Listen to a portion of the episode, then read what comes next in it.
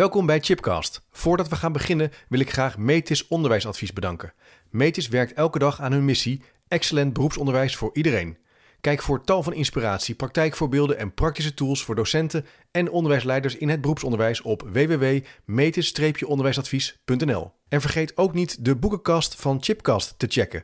Op www.managementboek.nl/chipcast vind je alle boeken die in de podcastgesprekken voorbij komen.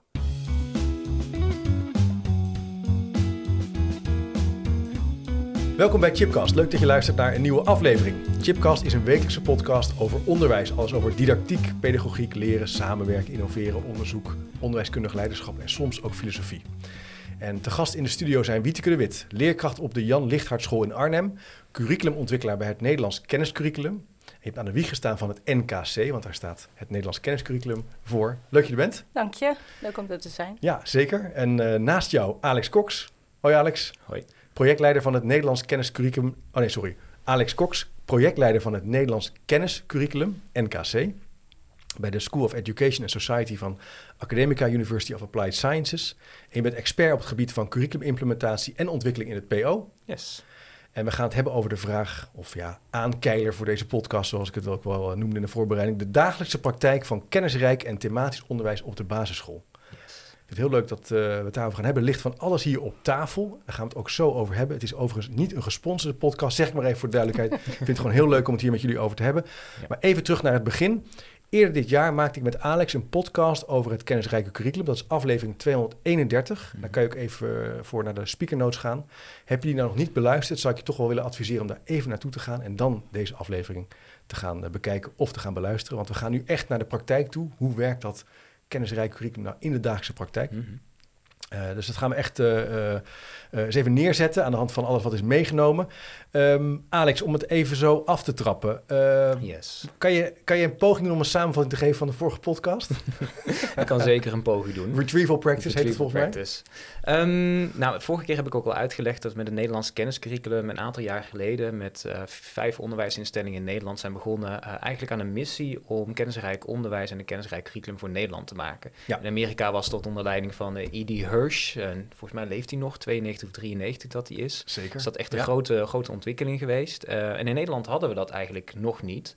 En kwam er bij ons uh, met meerdere stichtingen uh, eigenlijk de vraag op... hoe kunnen wij het onderwijs kennisrijker maken? Want wij uit veel onderzoeken eigenlijk merkten dat kinderen kennis nodig hebben... om de wereld om zich heen te begrijpen. Maar zeker ook teksten die ze lezen en boeken die ze lezen. Dat het eigenlijk niet algemene vaardigheden zijn... maar eigenlijk de kennis die je hebt die uh, mede voor bepaalt of je dingen begrijpt. Ehm, en dat je daar ook mee kan, uh, kan, dat je het kan gebruiken, kan toepassen. Daar gaan we straks ook naar kijken hoe we dat uh, in de NKC-scholen doen. dat hebben de afgelopen jaar hebben we dat ontwikkeld. Nou, klinkt als wat snel is gegaan, maar Wietke zal vast beamen dat daar best wel veel werk achter heeft gezeten. Ja. En op dit moment werken er echt al tientallen scholen in Nederland van steeds meer stichtingen, want we zijn ook groeiende. Um, met een kennisrijk curriculum. En het afgelopen jaar een vervolg op de vorige podcast eigenlijk, zijn we steeds meer gaan kijken naar, ehm, oké, dan heb je een kennisrijk curriculum, maar hoe breng je dat nou eigenlijk in de praktijk van de school? Want een curriculum raakt enorm veel andere aspecten. Het is natuurlijk je leerplan, het zijn je leerdoelen, het is je leerinhoud, de structuur, de opbouw, waar begin je, waar eindig je nou, wat herhaal je? Maar dat is eigenlijk pas het begin. En we realiseerden ons ook steeds meer met onze ontwikkelgroepen, met de stichtingen, met al die scholen, dat er gewoon een, een, curriculum implementeren doe je eigenlijk niet gewoon, want het raakt zoveel verschillende onderdelen van je school. Ook de organisatiekant, denk ik, uh, van je school. Dus het is niet alleen de inhoud en zeggen, oh, we moeten wat met kennis. Ja. Het is eigenlijk veel meer dan dat. Ja, ja. Dat is, is ook, we noemen het ook wel eens de, de bodemplaat of de onderlegger van je school is eigenlijk je curriculum. En daarop bouw je ook heel veel andere aspecten. En zo bijvoorbeeld het stukje professionalisering of het ontwikkelen van je leerkrachten. Of hoe je als leerkrachten samenwerkt met je team. Dat hangt ook heel erg vanaf hoe je je curriculum eigenlijk ingericht hebt mm. en welke keuzes je daarin maakt. Mm. Mm. En daar, uh, dat, uh, we hopen vandaag denk ik ook in deze podcast een heleboel uh, inzichten eruit te kunnen delen. En hoe we daar ook in de praktijk zoveel van geleerd hebben. Want Wieteke gaf ook al aan in het voorgesprek dat ze al in het vijfde thema bezig zijn bij jullie op school. klopt. Volgens mij is het vijfde thema gaat al een heel stuk anders dan het eerste thema. Ja, heel erg, ja. ja, ja hoe, is dat, hoe, is dat gegaan? Hoe ben je, want op een gegeven moment ben je hiermee in aanraking gekomen. Kan je nog eens even terugspoelen naar dat moment dat je... Want je, zit, je werkt dus in Arnhem, ja, Jan Misschien wat voor, wat voor soort school is dat? En hoe ben je in aanraking gekomen met het, uh, met het uh, idee van het kennisrijk curriculum? Eh, nou, onze school was al betrokken bij eh, Academica. Om, eh, we waren, of zij waren in opleiding om een high performance school te doen. En Ja. zo zijn zij bij Academica in aanraking gekomen. Ook met het idee van goh, kennisrijk curriculum. Dus een aantal leerkrachten bij op school zijn gevraagd, waaronder ik. Dus wij zijn, we zijn geïnterviewd door Alex en een gesprek gehad. En ja, wederzijds hadden we zoiets van ja, we willen daar graag aan meewerken, een collega en ik. En toen zijn we gaan gestart. Mhm. En eh, we zijn eerst gaan bouwen met, met een groep mensen van het NKC.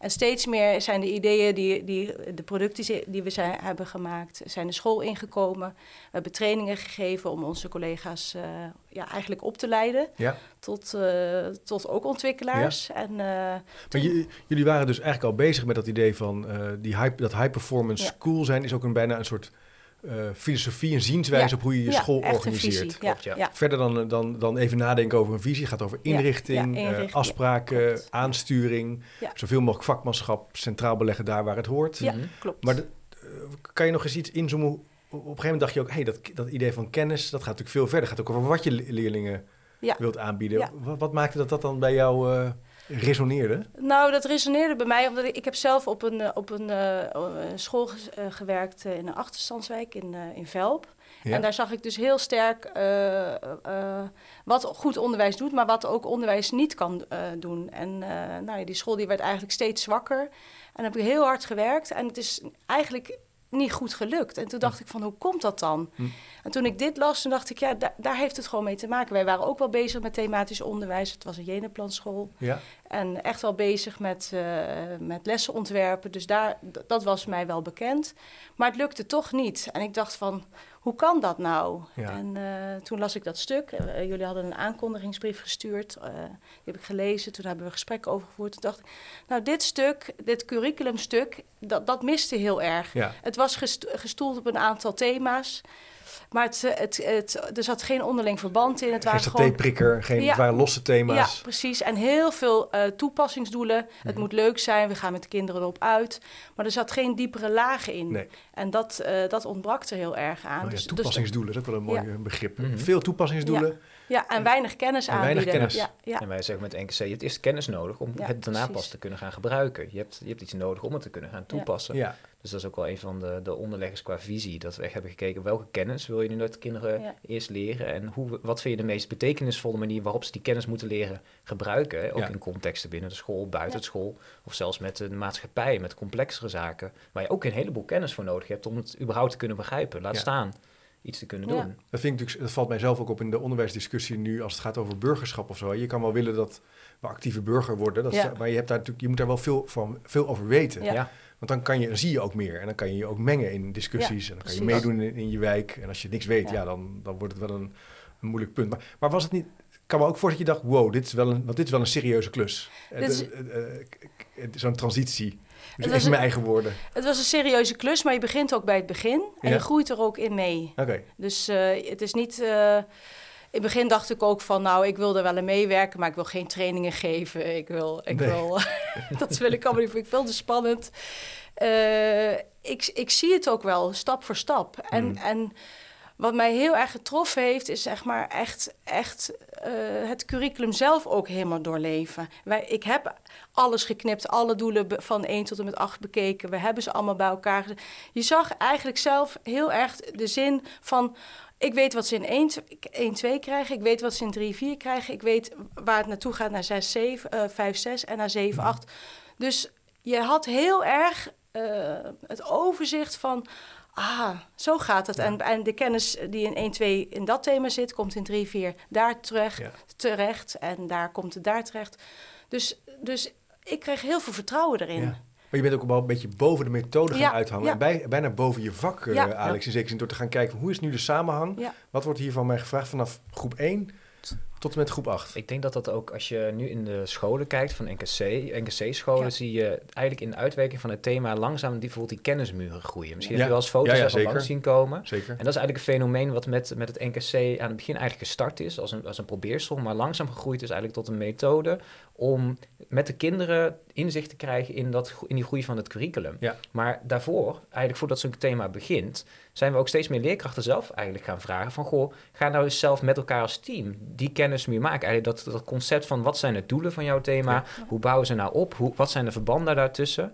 en, en, en Schulman is een, dat is een onderwijswetenschapper, uh, die is wel wat ouder, maar die wordt de laatste tijd ook steeds meer aangehaald. Dat het ook lang niet altijd alleen maar de domeinkennis van de leerkracht is, of de vakdidactische kennis, maar ook de kennis van het curriculum. Dus als leerkracht, als, jij, als je responsief wil lesgeven en je leerlingen wil bevragen of wat je voorkennis is, maar ze ook misschien wil uitdagen met moeilijke vragen, dan moet je verder kunnen kijken dan de les die jij voor je hebt. En misschien zelfs verder kunnen kijken dan een paar lessen om het grotere geheel te kunnen zien. En ik denk dat wat je dus ook nu ook merkt in de scholen en de leraren waarmee we werken, en ik kijk ook weer jou aan, Wiet, wat jij in jouw team meemaakt. Maar ik hoor dus verhalen van leerkrachten die dus, doordat ze zelf boven de kennis komen van het curriculum en zelf er grip op krijgen, begrijpen waar ze les over geven.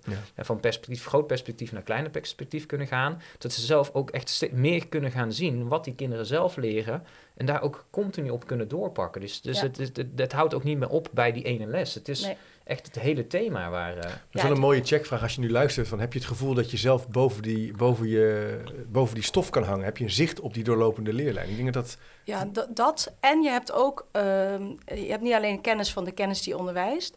maar je hebt ook kennis van alle draden die raken aan andere kennis weer. Want je hebt erover nagedacht. Je zoekt de diepere laag bij kennis. Je zoekt van, wat kan deze kennis... Uh, welke relatie heeft deze kennis met, met een, met een ander thema... of met een ander kennis kan je daar een voorbeeld van geven hoe dat bijvoorbeeld tussen groep 2 en groep 3 nou ja, bijvoorbeeld nu hebben, we het, uh, ja, nu hebben we het over uh, kijk op groei. Ja? Dus bijvoorbeeld een, een, een, een weekthema van groep 1, 2 is dat, dat ze het hebben over de wortelgroei van planten en uh, van bollen en knollen. Wij gaan een stukje er dieper op in. Wij, wij leren ze dus ook hè, wat de houvast is, wat, dat, dat, dat wortels ook opslagkamers hebben, ja. de functie van bladeren, functie van bloemen. En in 5, 6 zie je dat ze weer leren over de geslachtelijke en ongeslachtelijke bevruchting. Nou, die bevruchting die wordt ook van, van, van, uh, mens op die, uh, van plant op dier op mens uh, doorgetrokken. Dus ja. je, je pakt het hele totaalpakket. Bij ons in 3-4 leren ze dat een eicel en een zaadcel in bevruchting tot stand kan brengen. Ja, ja. En in 5, 6 gaan ze er weer veel dieper op in. Dus het is, en door die kennismuren inderdaad, je loopt langs en je ziet gewoon de opbouw. En ook heel leuk, ik, we hadden laatst een, een oude informatieavond. En toen vertelde daarover. En toen zeiden de ouders: Het is zo leuk. Ik heb een kind in groep 4, in groep 6 en groep 8 zitten op deze basisschool. En wij hebben het er tegenwoordig aan tafel ook over, over het NKC. En ze vullen elkaar gewoon aan. Dus die speech community die we graag op school willen creëren, die, krijgen ze, die komt dus ook thuis. Speech community? Ja. Uh, nou, dat, dat je met, met elkaar erover wilt gaan, uh, gaan hebben. Ja, hè? Je dus, praat over wat je hebt geleerd, wat je, je praat hebt geleerd. over de thema's. Ja, en dat, dat, dat ook de kennis bij ouders weer terechtkomt. Ik heb heel vaak gesprekken dat ouders zeggen... ook oh, moest even googlen, ik weet het even niet meer... wat het verschil tussen een embryo en een foetus is. En een zevenjarige vertelt het aan tafel. En nou ja, dat soort dingen. En omdat je alles hebt gemaakt... je weet precies welke les je hebt uh, bedacht... hoe je hebt nagedacht. Je hebt ook echt met, in je leerteam echt diepgaande gesprekken erover... Van hoe je het gaat brengen. Hè? Want het zijn wel kinderen van vijf, zes, zeven jaar die wij onderwijzen. Soms acht. Uh, welke woorden gebruik je wel, welke woorden gebruik je ja, dat doe je ook. Je bereidt het ook ja, voor. Je bereidt het echt samen. Je bent echt samen aan ja. zet. En jij wil ook gewoon graag dat jouw duo-collega ook een, een, dijk van een les maakt... die aansluit op jouw les of dat jij aansluit op de les van de leerkracht. Heb je nou het idee dat, uh, dat uh, leerlingen meer of minder aan kunnen dan leerkrachten denken? Oh, ik weet zeker dat ze veel meer aankunnen. Ja. ja, ik weet zeker dat ze veel meer aankunnen. En, maar dat komt ook omdat ze de voorkennis hebben. Hè? Je, mm -hmm. je kijkt ook naar uh, wat weten ze er al van. Ja. Uh, en vanuit daar bouw je verder. En je kan dus heel makkelijk uh, moeilijkere uitstapjes maken. Ik heb laatst een tekst gelezen met groep 3, 4, of eigenlijk met 4, die ook in 7, 8 is aangeboden. En ze snappen het gewoon. Ja. En de moeilijke woorden kun je nog wel uitleggen. Je hoeft niet op alles even diep in te gaan, want ja. wij houden het bij onze kennis die wij aanbieden. Maar ze begrijpen heel veel. Heel uh, opvallend, hè? Ja, ontzettend. Ik heb nu zelf ook een uh, aantal, uh, aantal NKC-scholen bezocht met andere leerkrachten van ja. andere scholen. Ja. En waar, om gewoon te kijken hè, en geïnspireerd te raken, ook met studenten overigens van de master in Nijmegen. En die hebben het dan allemaal erover. Van god, er wordt hier zoveel meer gelezen. De boeken zijn, hè, dus de literatuur is rijker. Ja. De kinderen, ze hebben de indruk dat ze ook ja, toch een rijkere vocabulaire hebben. Ja. Uh, is toch wel opvallend, hè? Ja, precies. Ik, ik, denk, wat, wat je daarin moet meenemen is dat uh, niet alleen de bewustwording bij de leerkrachten er is van wat in dat ene thema geleerd moet worden. Maar wat, wat leerkrachten ook steeds meer doorgaan krijgen, is het dus dat het ook een cumulatieve opbouw is van die kennis door de jaren heen. Ja. En ik denk dat dat wel enorme kracht is, dat je ook als leerkracht gaat zien dat het niet alleen over dat ene thema gaat, maar dat leerkrachten dus nu ook een thema voor de tweede keer gaan geven. En dan is het niet een thema voor de tweede keer geven. Maar eigenlijk is het een thema voor de tweede keer ontwerpen. Ja, Omdat ze er nu eigenlijk achter komen van... goh, ten eerste die leerlingen van het twee jaar geleden... die hebben nu veel meer voorkennis. Die zitten misschien nu ook pas eigenlijk op het voorkennisniveau... die we met de NKC bedoelen. Omdat het niveau al veel hoger is. Dus we moeten ook gaan kijken, waar beginnen we? Uh, maar ook verhalen uh, over...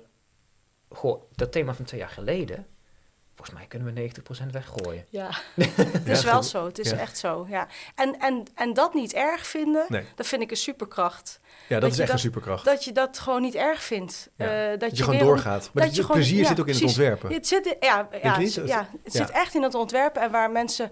Je moet wel goed gefaciliteerd worden. Hè, want het is, het is allemaal mens, menswerk. Het is echt ambachtswerk eigenlijk. Hè. De ambacht komt weer terug bij de leerkrachten.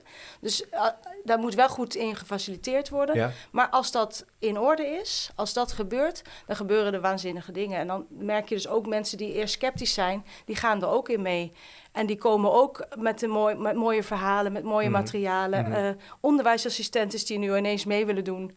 Nou, dat heb ik nog nooit meegemaakt. Dat een onderwijsassistent zei, ik wil ook meedoen. Wat kan ik doen voor het NKC? En uh, nou, dat, of die, die dan... Denk je ook niet dat het, dat, het zo, dat het ook komt dat kennis heeft zoiets ontzettend verleidelijks... en, en een soort nieuwsgierig maken. Als je dat op een mooie manier kan ontwerpen dan wordt het de moeite waard. Dan ga je dingen, meer dingen zien. En dan wordt het ook... Ik merk het ook zelf aan de podcast. Als je eenmaal ritme te pakken hebt, dan denk je... ja, ik ga dat erbij pakken. En dat is eigenlijk wat jullie ook doen. Ja, en, en we zijn dus nu op onze school... Uh, ben ik vorig jaar begonnen met zeg maar een... Want wat, wat heel veel docenten nog hebben is van... weet ik er wel genoeg van? Sta ik wel genoeg boven de stof?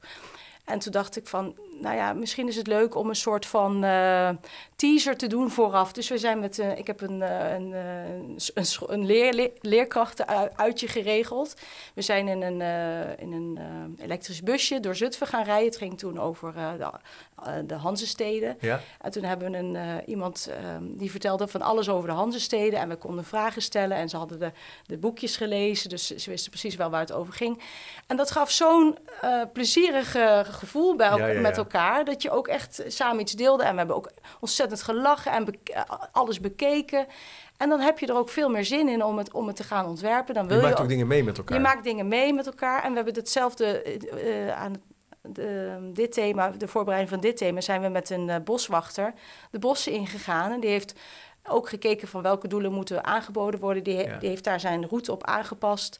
En toen zag je dus ook van mensen gingen echt aan. Want over het ene onderwerp weet die leerkracht weer heel veel en het andere die dus. Maar dit is natuurlijk een, zijn fantastische voorbeelden. Doe me een beetje denken. Ik heb ooit een van mijn eerste opnames was met Erik Meester, ook over het belang van kennis.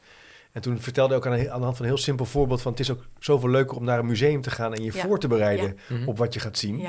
En daar in een aantal weken aan te werken, dan zie je veel meer dan andersom. En dat gebeurt toch vaak. Dat we met alle goede intenties gaan we ergens heen en dan weet je eigenlijk weinig. Ja, dan kan je, zou je ook ontdekkingsgewijs dingen leren. Maar hiermee wordt het veel rijker. Overigens ook voor de boswachter en voor de, de buschauffeur en voor de collega's die wat voor te vertellen iedereen, hebben. Voor iedereen. En, en, en tegenwoordig in leerteams, als we dus... We, we, uh, we zijn nu op een punt dat we echt alle lessen... voordat we ze aan de kinderen gaan geven, aan elkaar geven. En dan zitten we er echt Oké, moet je even vertellen. Dus je uh, geeft aan elkaar de lessen? Ja, wij, de leerkrachten die ontwerpen zelf de lessen. Dan geven we ze aan elkaar. Dus uh, ja. in, uh, in leerteamtijd laten we de lessen aan elkaar zien. Presenteren we eigenlijk zoals je het ook aan de kinderen zou doen. En dan neem, neemt die leerkracht ons mee, want wij moeten het allemaal kunnen geven. Dus we moeten het ook kunnen begrijpen. En we kunnen ook dus heel goed zien, oh, mhm. deze les sluit heel goed aan op die les. Of hier mist het nog. Uh, laatst hadden we ook, uh, ja, we geven elkaar tips. En er wordt ontzettend veel gelachen en geapplaudiseerd van wat een goede les. En het stimuleert ook. Het is positief, het, is constructief. ja, positief. Uh, Alex, uh, waar ik wel benieuwd naar ben, kan jij vanuit een curriculum-expert perspectief zeggen waarom het belangrijk is om, om met elkaar dit soort lessen dan aan elkaar voor te doen en met wat, wat, wat doet dat zeg maar, in het proces van een curriculum maken? Nou, ten eerste, waar we het net al over hadden, ik vond het ook wel zo mooi dat je zegt, een, een excursie voor de leerkrachten. Hoe, hoe, dat klinkt misschien wel gekker, dat je de excursie eigenlijk bijna voor het thema gaat doen, voordat je de, het thema zelf gaat geven. Maar daar zit wel de, eigenlijk ook weer tegelijkertijd de kracht in die voorbereiding, dat je met elkaar als leerkrachten zelf helemaal eigenaar bent van die kennis, voordat je die kennis zelf gaat over kunnen dragen aan de leerlingen. En daarin zit die, dat voorbereidingsproces, dat wat je dus ook net benoemt. Kijk, Natuurlijk, als school ben je daar niet in één keer. Om in één keer op dat punt te komen dat je dan gaat zitten, de Mm. tijd ervoor hebt, weet hoe je dat efficiënt kan aanpakken, eh, ook weet hoe je feedback aan elkaar moet geven. Dat vraagt sowieso al oefening. Maar als je die Ja. voorwaarden op orde hebt en dat met elkaar Ja. weet te bewerkstelligen, dan kom je eigenlijk in een soort molen terecht waarbij je dus eigenlijk onderwijs aan het ontwikkelen bent, voordat je het onderwijs gaat geven. Maar tegelijkertijd ben je het ook eigenlijk stiekem een beetje met elkaar aan het onderzoeken, Ja. hoe je dat ook continu met elkaar beter kan doen. En in dat proces van, eigenlijk noemen we het ook wel de professionele leergemeenschap, waarin je dus continu met elkaar leert. Dat is een van die werkwijzes en de processen die je dus moet inrichten, ook als Mhm. schoolleider. Je moet er tijd voor maken. Ja. Je moet zorgen dat mensen zich aan die tijd houden. Ehm, Ja. Want het is eigenlijk een soort, het voelt bijna een soort, soort luxe tijd, denk Ja. ik wel eens. Dat je de tijd en luxe hebt om met elkaar die lessen te kunnen voorbereiden. Ja. Maar, het- waar, ik ben er wel, waar ik nog wel benieuwd naar ben, wat Ja. mij nou in de afgelopen weken nog wel opvalt, is je hoort steeds meer, zoals het bij goede thema's vaak gaat, en dan PLG, eh, over oog. En dan gaan scholen daarmee aan de gang, met, lezen ze een boek over, goede intenties. Maar die doen niet wat jullie doen. Die gaan dan bijvoorbeeld ehm, ja, leerlingen bespreken. Ja, dat is ook, het kan ook zinvolle Ja. tijd zijn. Dat bedoel, ik bedoel niet tegenover elkaar stellen. Maar hoe, hoe, hoe zorg je ervoor dat je op de juiste manier dan gaat werken in zo'n... Ja, in die werktijd die je hebt. Nou, ik, je bedoel? Dat, dat noemen Ja. wij dan ook wel eens de leerteamwerkwijze. En die werkwijze, natuurlijk heb je, dat noemen ze wel day-to-day-besprekingen. Als je een twee uur per week hebt, dan heb je die leerteamtijd. En ten eerste is het enorm belangrijk dat je die tijd met elkaar inroostert en tegen elkaar eigenlijk zegt, alle organisatorische zaken, van, van, eh, van voor schoolreisjes plannen, tot activiteiten voor de school regelen, tot, tot misschien mopperen of andere dingen die je normaal gesproken doet, die moet je weglaten. Mm. Je moet het echt, de kern moet zijn, alles wat we in dit leerteamtijd doen, moet ertoe leiden dat de leerlingen morgen, overmorgen meer gaan kunnen leren. Ja. En Ja. die leertijd, dan heb je dus, als je zegt, we hebben een day-to-day, we hebben een leerlingbespreking. Is een prachtig voorbeeld dat, dat, dat ehm, leerkrachten hadden een formulier gemaakt. En die hadden ze de tijden opgezet. En iedereen in het leerteam, we gingen niet over de leerling praten. De, de eh, leerkracht bracht een stelling in van hier heb ik een probleem mee. De andere leerkrachten kregen twee minuten om letterlijk tips op te schrijven. Dus een complete stilte. Daarna kreeg die leerkracht kreeg alle tips terug en mocht op drie of vier tips mocht hij extra vragen stellen. En binnen zes minuten was de leerling besproken. Ja. In plaats van dat je daar heel veel tijd uit Gewoon trekt. slim werken. Je, Ja. Slim dus- werken. Net zoals je in, de- in, je les ook na moet denken over de activiteit, ben je hier Ja. ook voor heel gericht aan het denken over wat, welk doel heeft welke activiteit. Ja, dat zijn, dat zijn dus leert- en werkwijzen, eigenlijk processen die je met elkaar moet inregelen. Waar je Ja. over moet nadenken, wat ga je wanneer doen. Dus hoe doe je de leerlingbespreking of de kwaliteitscoördinator die dus de eh, analyses van de data voorbereidt, die dus het leerteam zelf kan doen, maar daar ook efficiënte tijd voor moet nemen. En zo ook bij lesvoorbereiding. doen wij ook zelf inderdaad. Ja, doen jullie wij, ook wij zelf? doen data zelf. Ja. Is in, in hoeverre, want er is natuurlijk heel veel te doen hè, in het onderwijs. Je kan Ja. denk ik wel drie dagen in een dag werken aan Ja. allerlei thema's Ja. die mensen belangrijk Ja. vinden. Hoe, hoe, is het, hoe leidt, dit, leidt dit nou tot werkdrukverlaging? Ehm, Deze nou, methodiek? eh, voor mij wel. Ik, eh, als, je, me- als je menig collega vraagt, dan zullen ze me- sommige, sommigen ook wel zeggen dat, dat het wel werkdruk oplevert. Maar waar je het ene wat geeft, dat, daar wordt de ander ook wel wat minder van. Dus, Ja. dus eh, wij, wij hebben leerteam, maar wij hebben ook ontwikkelteams. ja, En in die ontwikkeld, ik zit dus ook in het ontwikkelteam NKC, maar je hebt ook een ontwikkelteam rekenen, je hebt het ontwikkelteam lezen en taal. En die, dat ontwikkelteam, daar is van elke leerteam één eh, afgezant die in, in die club zit. En die brengt dus ook weer die informatie die daar besproken wordt, of de ontwikkelingen die daar gaande zijn, in, in het leerteam mee. ja. Dus, op, dus je hoeft niet overal in te zitten om overal van op de hoogte Nee, te precies. zijn. Je zit niet constant in allerlei Nee, teams. Het is precies. eigenlijk slim werken, slim, Slim werken, organiseren. ja, precies. Maar je zal in het begin wel wat meer tijd moeten investeren om dit, denk ik... Nou ja, als je, wij, wij hebben het zo een beetje geregeld dat we het ook eh, elkaar proberen onder schooltijd eh, vrij te roosteren.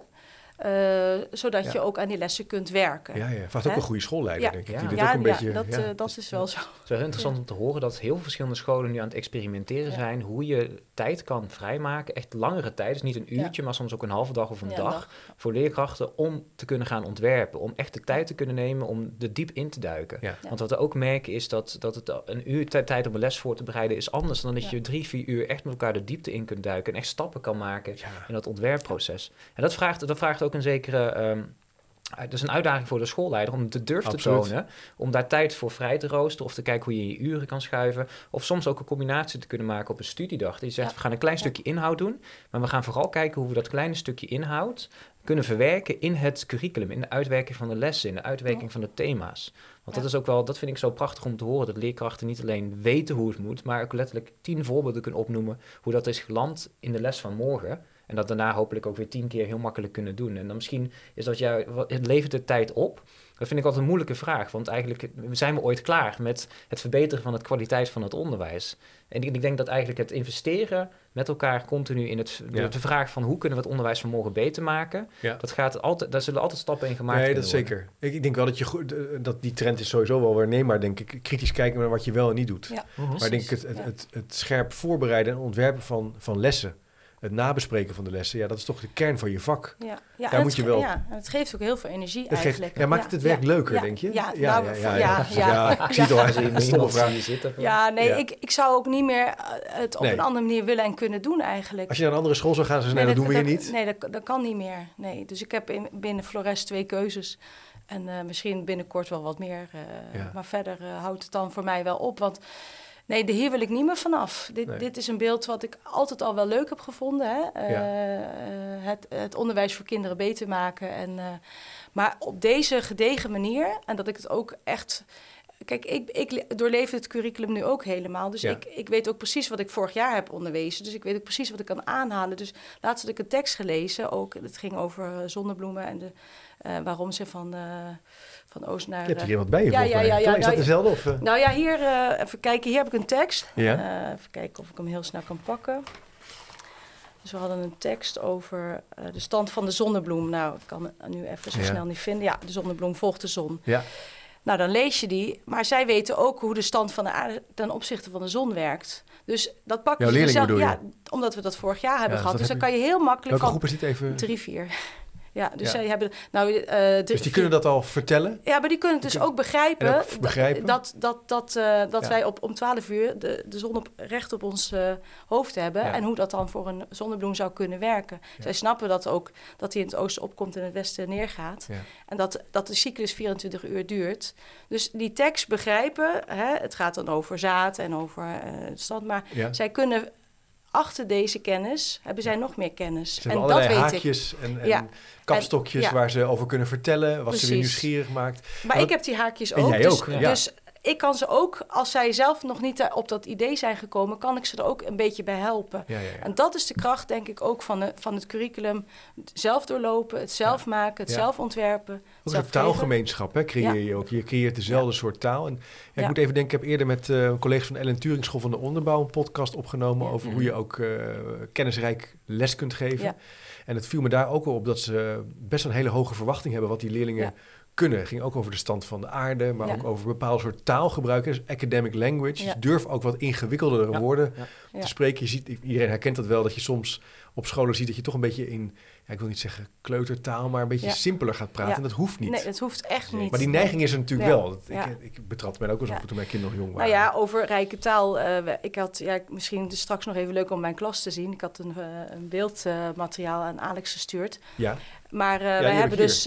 oh ja, heb je, heb je gekregen? Maar, dan heb ik aan mijn raam heb ik dus allemaal zakjes hangen met, met bonen. ja. Ik ga, we gaan even naartoe hoor. Dan laat ik het, als, je nu, als je dus nu kijkt, zie je het waarschijnlijk in je scherm even naar Oh, voren ik weet niet of die daarin staat. Die daar? Dat is een apart filmpje, Ja, dat is een apart, Apart filmpje, filmpje. maar goed. Oh, dan laat gaan we die nog even erbij zetten. Geeft niet. Ja. Maar in ieder geval, eh, dan zie je de zakjes en nou, dat zaad dat, dat ont, ontwortelt dan. En eh, toen zei een jongetje ook van, het lijkt hier wel een kraamkamer. Ja, mooi. nou ja, dat woord. En Mooi woord. nou ja, we, we, hebben, we zijn nu wat verder in het thema, dus we hebben het ook gehad over, over embryo's en over foetussen. Dus er hang- hangt ook, er hangen ook wat, eh, heb ik van ouders dan weer gekregen, eh, wat, wat eh, voor echo's van de kinderen zelf van vroeger, hè, toen zij in de buik zaten en hoe dat eruit zag. Dus het hangt, ja, maar het is ook heel intiem wat ouders ook allemaal vertellen aan je over, over hun kind, waar ze mee thuiskomen. We hebben bijvoorbeeld ehm kunstzinnige oriëntaties is altijd bovenop het thema, dus we hebben nu het thema eh, dans. Dus dan dansen we in de gymzaal, eh, dansen we dus een, een voedselketen na. En dan vertelt een vader, eh, die vertelt dan dat ja, zodra mijn dochter thuis komt, dan trekt ze er hertenpak aan. Dan wil ze het bos in en dan wil ze de voedselketen naspelen. In plaats van op de iPad. Ja, precies. Of, nou ja, het beïnvloedt dus ook een beetje het spel van Ja, kinderen. tuurlijk. Dat is natuurlijk heel Eh, leuk. Het is een prachtige tekening. Laat ik even zien. Ja, ja.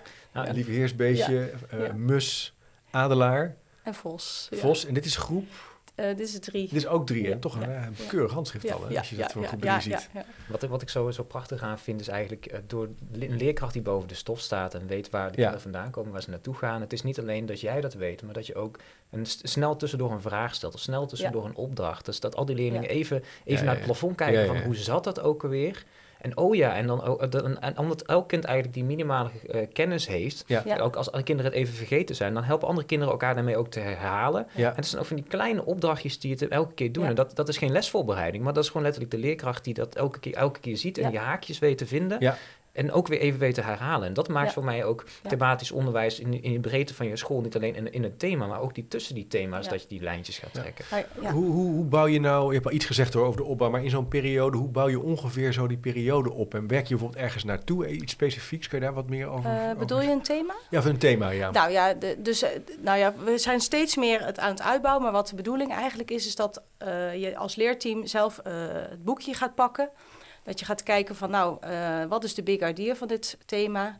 Wat is eraan vooraf gegaan en wat gaan, wat gaan ze in het volgende twee jaar gaan ze leren? Dan ga je proberen met elkaar de, eh, via Mindmap de rode draad te maken. Ga je kijken van welke linkjes in welke weken kan ik maken? Welk, welk onderwerp van week 1 past ook wel bij, bij, bij 3? Zie ik daar al opdrachten uit? En zo ga je dat steeds meer eh, vormgeven. Ja.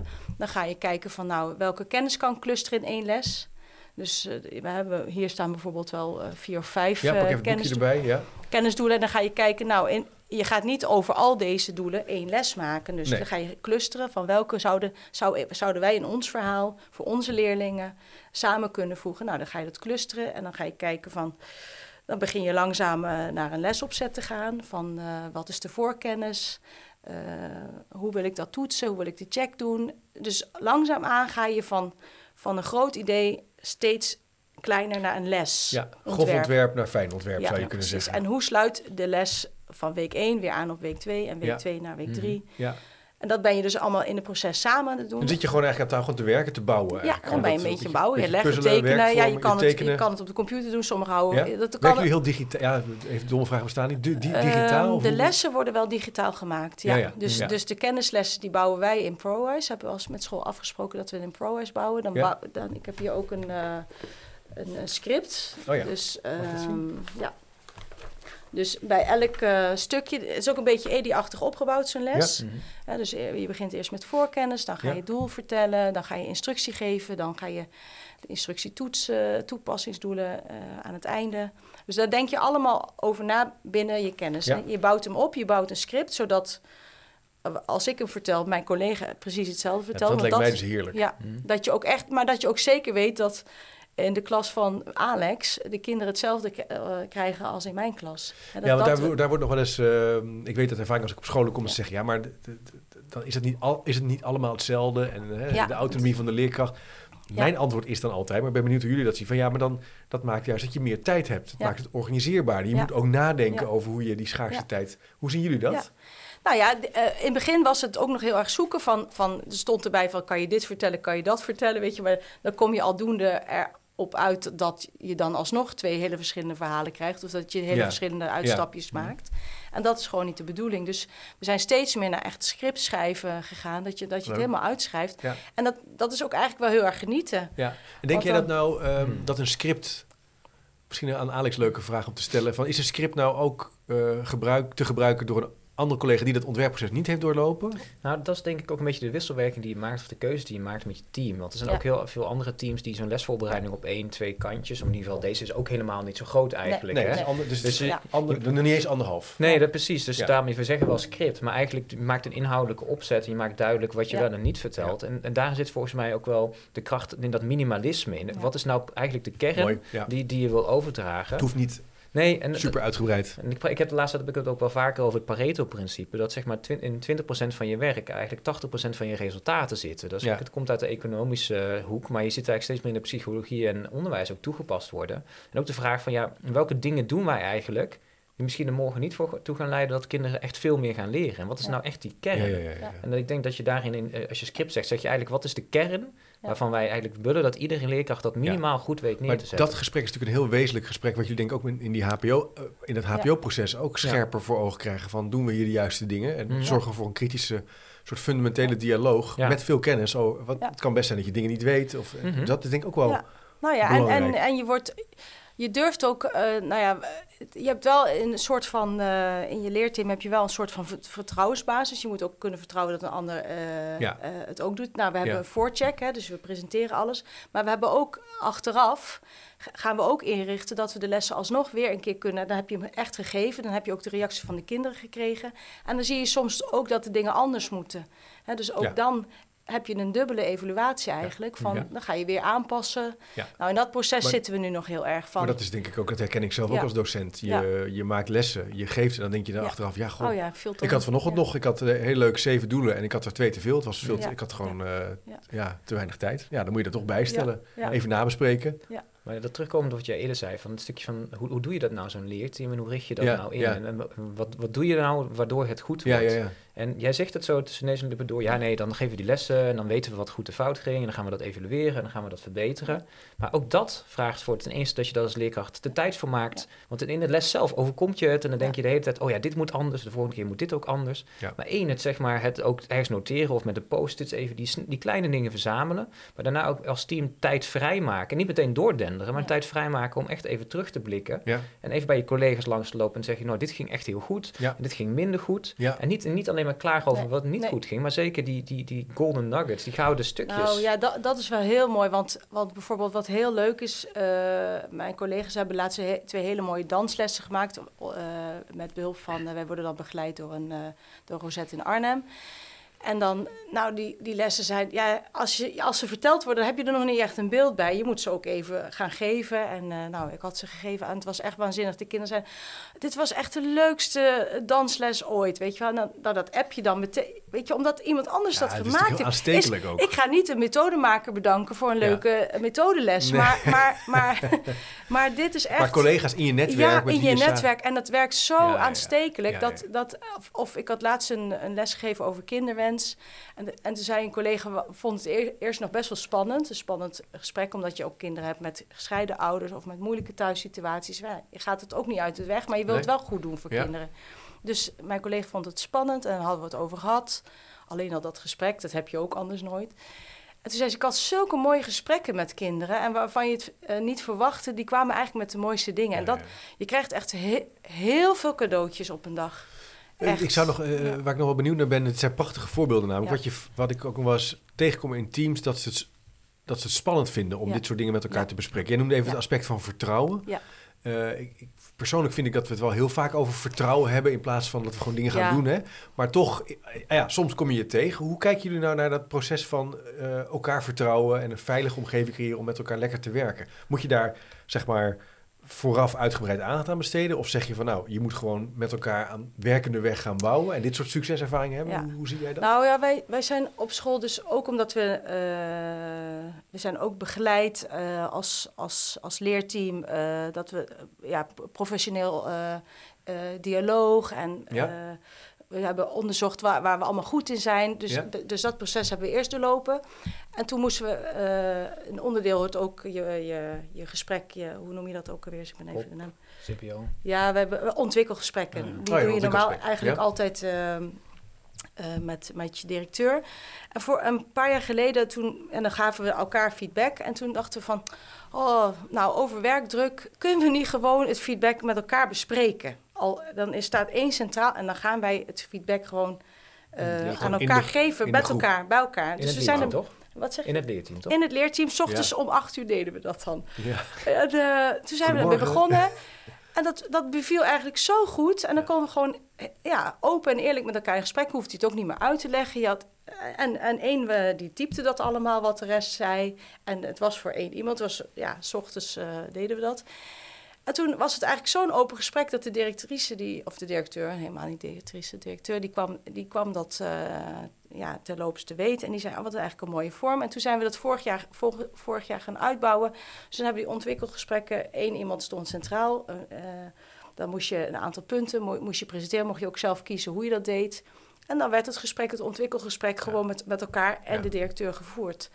En dat is zo waardevol. Ik denk dat het allemaal bijdraagt aan het Aan, proces aan waar, een veilige omgeving. aan een veilige omgeving. En dat het gewoon dat, nou, dat iedereen gewoon mag leren. En dat het ook helemaal Ja. niet erg is. We Ja. vertellen het allemaal kinderen van fouten maken mag. En dat ja, maar hoort in erbij. teams is het in één keer helemaal... Maar- Maar, maar ik vind het heel sterk, dat idee van met elkaar Mhm. praten. Het doet me ook denken, ik heb Ja. in de tijd bij Kessels Smit eh lange tijd gewerkt. Daar hadden we ook altijd ontwikkelgesprekken met elkaar. Daar was ook altijd iedereen bij. Want Ja. dat was ook zo'n idee van, ja, wij zijn met elkaar een gezelschap. Als wij niet Nee. met elkaar praten over waar je beter in wordt, dan wordt het niks. Nee, dan wordt het niet. En ik vond, al, ook als het moeilijk was, was het toch altijd heel fijn en belangrijk. Ja, en altijd, en altijd in de opbouwende vorm. Ja, Dus eh, we hebben nu ook afgesproken, eh, eh, dit, deze vorm wordt uitgebouwd. Dus nu hadden we afgesproken, nou, we pakken één vorm, die gaan we vergroten. Dus Mhm. je, je hebt je eigen ontwikkeling, die zet je voorop. En dan nou, vinden ze het ook heel leuk om bij elkaar te kijken. En dan gaan we ook kijken, ja, niet per se naar een les, of, maar gewoon wat zie je nou? En wat neem je nou zelf als leerkracht mee? En wat, wat zou je die, die leerkracht nog mee willen geven? Nou, nou, dat is gewoon,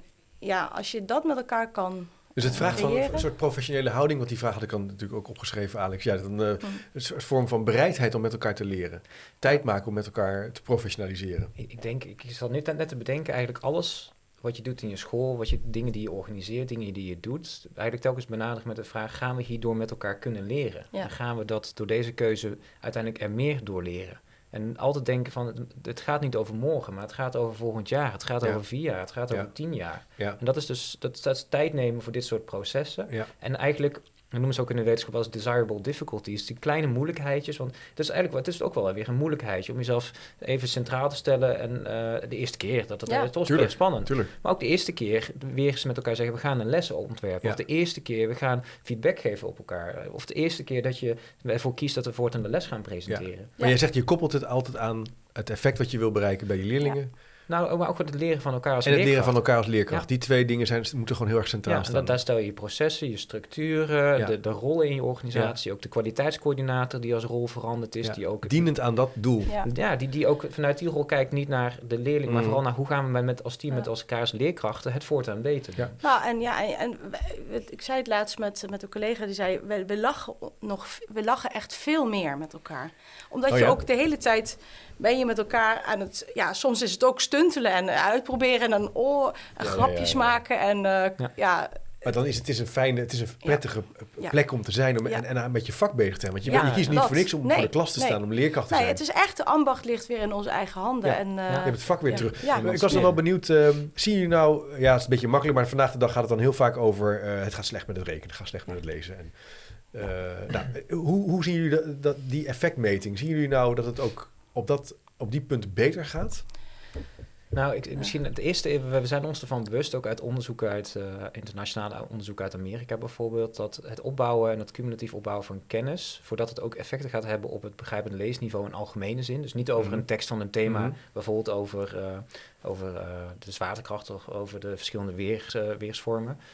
Dat, dat duurt een hele tijd. Dus eigenlijk een soort sneeuwbaleffect die na een tijdje pas groot Ja. genoeg wordt dat je die algemene resultaten omhoog ziet gaan. En dat vraagt het cumulatieve curriculum ook meerdere jaren voor.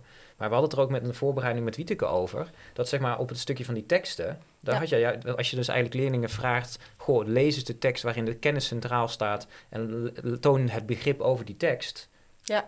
Nou, ik had. eh, Ja, ja. eh, vorig jaar heb ik gemerkt, had ik een jongen in, in mijn klas en die eh, is tweetalig, gesp- eh, sprak eigenlijk heel slecht Nederlands toen hij startte op school. En je ziet ook dat, dat het lees kwam langzaam op gang en ook het tekstbegrip is langzaam. of ja, hij is niet op het niveau van, een, van, van, van leer- leerlingen van zijn leeftijd. Behalve op het moment dat we dat hij teksten moest lezen waar, die, waar ik over onderwezen had. Bijvoorbeeld eh, één tekst ging over de zon en de maan in de CITO. En die had hij echt beduidend beter gemaakt dan, dan, eh, Ja. dan de andere teksten. En vooral de, de kennisteksten deed hij het veel beter op dan verhaaltjes van vader en moeder zaten in een boot Ja, ja, en het hondje. Had hij gewoon ook een naam. Ja, precies. Misschien, ja. Ja, nou, maar ook een beetje met, het begrip van, van namen van mensen. Die, Ja. die- hè, als je dat niet in jouw taal heb je misschien hele andere eh, namen. Is het lastig om Ja. de naam te koppelen aan een hond of aan een moeder?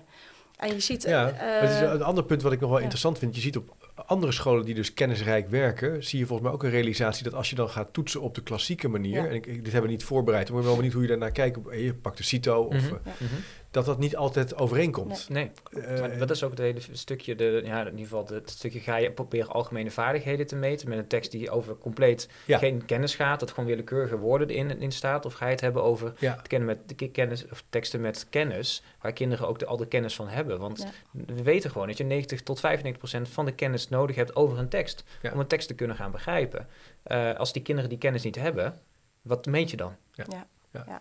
Ja. en ik had ook een collega die vertelde ook een jongetje uit haar klas, eh, zit in groep 7, ook een tweetalig eh, jongetje, een Syrisch jongetje. En eh, ja, die kon ook nooit mee, die, die ging ook meteen altijd, eh, had hij sip gezicht op het moment dat hij moest begrijpen lezen, totdat hij de teksten ging lezen die over het onderwerp ging waar hij, waar hij het over had gehad. Toen zei vraag me, je kan me alles vragen over deze tekst, ik weet alle antwoorden. En het Ja. was ook zo. En die ging ook aan, dus het is niet zozeer dat ze het niet willen, Nee. maar... Maar het gaat ja, over die, die kennis is Ja, gewoon inherent verbonden aan leren. En aan tekstbegrip en aan, aan alles. Dat is. Het is eigenlijk bijna gek dat we hiermee bezig zijn. Ja. In die zin soms denk ik wel, want het is natuurlijk een hele logische Ja. redenering, Maar denk ik ik. denk, ik denk dat. ehm, ik bedoel, eigenlijk is elk onderwijs wel een beetje kennisrijk. Maar kennisrijk als curriculum betekent dus dat, waar ik al eerder al zei, dat het opbouwt, dat je dingen teruggrijpt. En Ja. dat het niet één keer Ja. aan bod Ja. komt, maar dat het Nou ja. telkens groeit. Ja, nou ja, ik had nog, nog een voorbeeldje van vorig jaar heb ik met groep 3, want groep 3 is nog wel een uitdaging, zeker als ze begin groep 3 zijn om goede teksten te zoeken, want Ja. ze kunnen nog niet Nee, goed lezen. nee.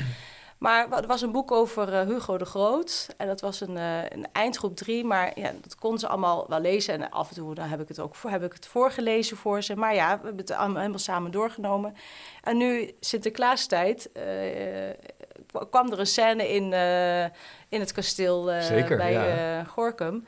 En, toen- en je zag ineens Hugo, eh, eh, zo hoorde het. naam, die boekenkist. En- ja, en, en dan zie je dus toch wa- wat ze Ja. vorig jaar eh, Ja. eigenlijk met matige eh, vaardigheden eh, zeg, doorheen hebben geworsteld, toch ergens aan op konden hangen. Ja, En dan ja. zie je je dus weet dat. meer en je ziet meer. En je weet meer en je ziet meer en je denkt, nou, dat zouden ze echt vroeger nooit geweten. Ja, en het ene voorbeeld van het glas en lood.